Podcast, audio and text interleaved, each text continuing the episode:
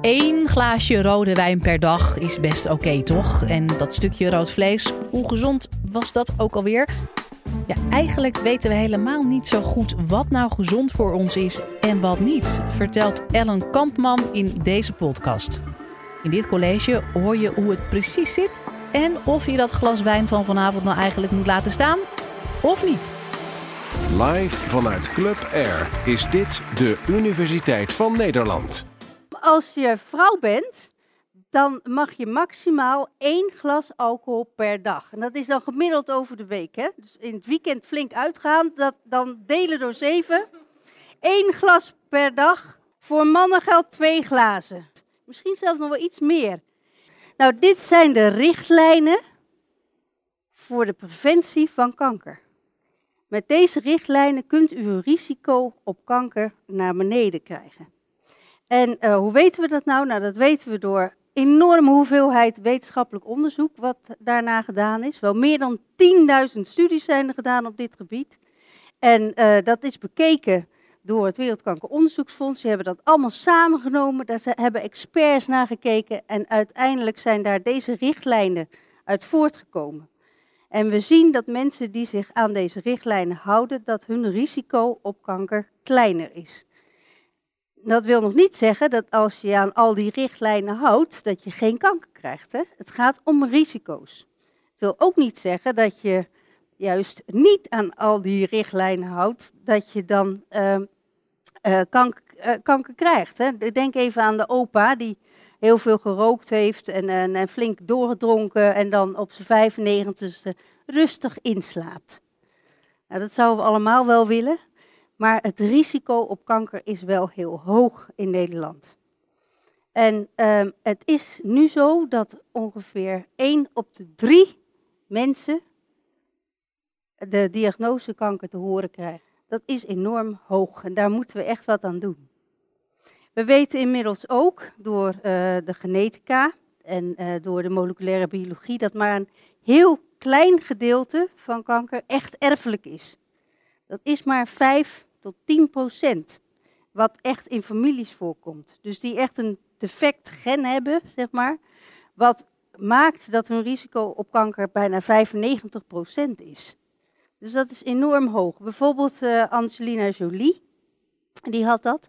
Die had, uh, of die heeft dat. Die uh, heeft in haar familie het borstkankergen, BRCA1 gen, wat haar risico op borstkanker enorm verhoogt. En daarom heeft ze ook haar borsten laten amputeren. Maar dat komt dus bijna niet voor, hè? 5% maar. 95% van alle kanker komt door waar we aan blootgesteld zijn. Denk aan chemicaliën of aan, aan straling of aan virussen. Of door dat wat we zelf doen. En we weten inmiddels dat um, we van de vormen van kanker die veel voorkomen, dus darmkanker, borstkanker, prostaatkanker en longkanker, daarvan zouden we 30 tot 40 procent kunnen voorkomen als we gezond zouden eten en meer zouden bewegen. Hoe weten we dat nu? Nou, dat weten we bijvoorbeeld doordat we uh, dierstudies kunnen doen. Die worden op zich ook veel gedaan. Om te kijken van, uh, nou, hoe werkt het nou precies? Hoe zit dat mechanisme in elkaar? Maar het nadeel van dierstudies is dat dieren nou eenmaal vegetariërs zijn. En dieren, uh, muizen en ratten eet, drinken ook geen, uh, geen alcohol, bijvoorbeeld. Dus als we dat zouden willen testen, dan hebben we toch echt mensen nodig. En om mensen nou op iets, op een dieet te zetten waarvan we nou al weten dat het kankerverwekkend is, ja, dat, dat gaat nou eenmaal niet. Dat komt ook door geen enkele medisch-ethische commissie. Alhoewel um, in de jaren negentig dachten we bijvoorbeeld nog dat alcohol uh, goed was voor hart- en vaatziekten. Dat beschermde tegen hart- en vaatziekten. En we hadden eigenlijk nog geen idee dat het kankerverwekkend was. En, en toen deden we nog wel onderzoek met mensen waarbij we ze veel alcohol te drinken gaven. Om te kijken wat dat op hun cholesterolgehalte bijvoorbeeld deed. Reuze interessant onderzoek, ook heel leuk om te doen en vooral ook heel leuk om aan mee te doen. Het waren hele vrolijke studies, eh, dat was uh, zeker. Maar goed, dat zouden we nou nooit meer doen.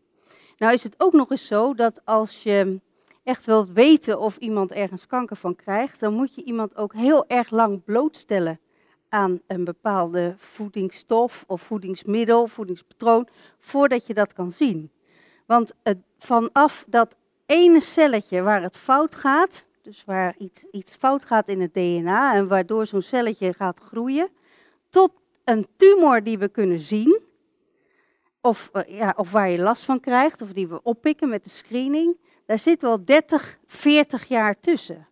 Dus dat betekent dat we ja, eigenlijk terug moeten gaan naar wat er toen fout gegaan is. En of heel lang moeten wachten met zo'n studie om wat te gaan zien. Nou, dat soort studies uh, bij mensen is onmogelijk. Um, wat we wel uh, kunnen doen, is uh, mensen observeren. En kijken wat ze doen en dan daar conclusies aan verbinden. En dat is wat wij noemen een observationele, prospectieve cohortstudies. En de meeste richtlijnen, zoals ook de richtlijnen goede voeding, die zijn op dat soort studies samen met dierexperimenten en onderzoek met uh, cellen en kweek gebaseerd. Nou, een prospectieve studie, dat ziet u hier hoe dat eruit ziet. Wij uh, beginnen met uh, een gezonde groep, meestal mensen van middelbare leeftijd, zodat we niet zo heel lang hoeven te wachten. Um, ja, Um, en die laten we vragenlijsten invullen, voedingsvragenlijsten, om te kijken van wat, wat eten ze nou, wat zijn ze gewoonlijk te eten. En, en vragen ook, doet u dat altijd al? En, nou, en dan gaan we ze volgen in de tijd. En dan leggen we hun gegevens, koppelen we aan de kankerregistratie, met hun goedkeuren natuurlijk. En dan kijken we wie krijgt er nou kanker en wie niet. Dus is het nou zo dat mensen die veel rood vlees eten, bijvoorbeeld uh, meer, vaker kanker krijgen dan mensen die dat uh, niet doen. Nou, daar hebben we enorm veel van geleerd.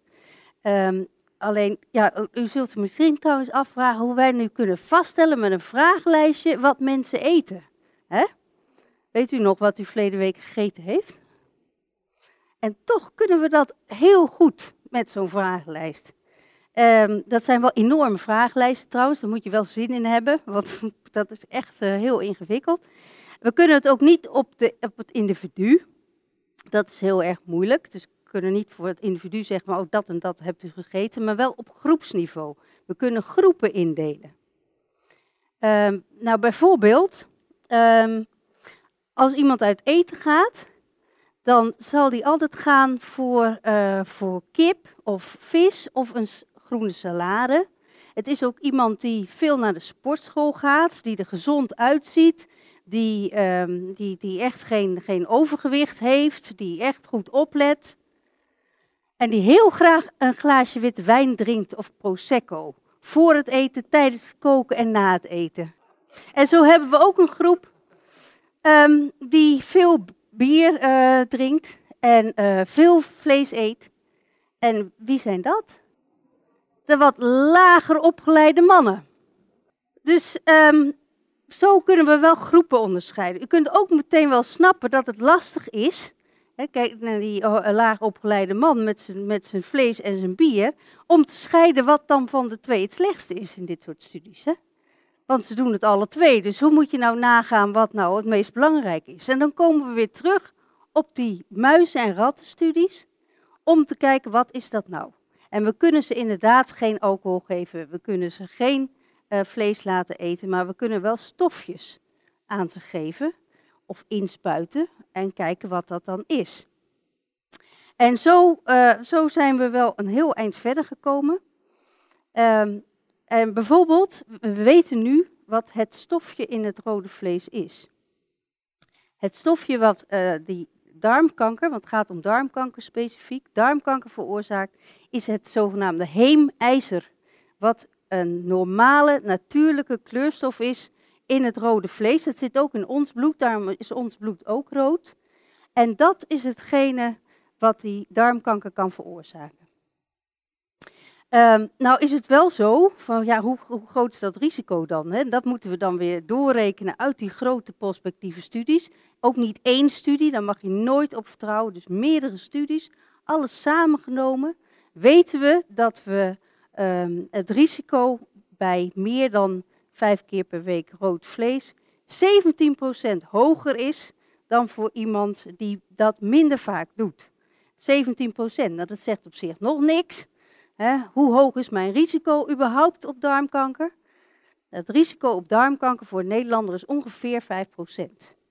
En dan komt die 17 procent bij die vijf keer per week erbij, is het ongeveer 6 procent.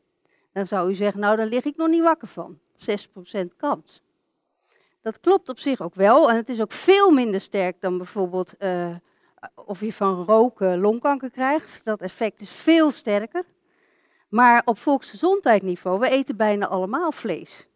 En dan wordt het wel ineens een stuk belangrijker. En daarom eh, kunnen wij een groot deel van darmkanker voorkomen als we minder rood vlees zouden eten. Um, en het rode wijn, om daar weer op terug te komen. Daar weten we nu ook wel van hoe dat werkt. Um, het is het alcohol namelijk wat er in de rode wijn zit, wat het risico op kanker verhoogt. Alcohol wordt in ons lichaam omgezet tot een hele kankerverwekkende stof, acetaldehyde. En dat zit dus in alle alcohol. Dus of je nou een rood wijntje drinkt, of een wit wijntje, of bier, of sterke drank, dat maakt helemaal niets uit. Het is allemaal even slecht. Um, ja, dat is jammer, hè? Um, het is wel zo dat ook hierbij, bij dit soort onderzoek, zitten wel enorm veel uitdagingen. Want we willen mensen met veel alcohol vergelijken met mensen die bijvoorbeeld geen alcohol drinken. Maar wie is het groepje die helemaal geen alcohol drinkt? Dat is een heel apart clubje. Hè? En wie zijn dat? Vaak zijn dat bijvoorbeeld alcoholisten. Die drinken helemaal niet. En die hebben ooit wel gedronken, maar die drinken niet meer. Dat is geen goede vergelijkingsgroep. Dus zo, moet je de hele tijd blijven denken van ben ik nou wel het juiste aan het doen? En dat is in, in, in mijn type onderzoek is dat ook de uitdaging. Dat is ook het, leuke van mijn werk, om uit te zoeken van hoe zit het nou precies? En kritisch te blijven op jezelf en op anderen. En dat is wat we, wat we ook doen. Um, nou, ik hoop, en dan kom ik weer terug op waar ik mee begon. Ik hoop dat u begrijpt nu dat u van uh, rood vlees en rode wijn inderdaad uw risico op, op uh, kanker uh, verhoogt. En waarom dat zo is. En ook dat je je risico op kanker echt ook zelf kunt beïnvloeden. Niet voorkomen, maar wel beïnvloeden. Maar een glaasje rode wijn is natuurlijk wel heel erg lekker.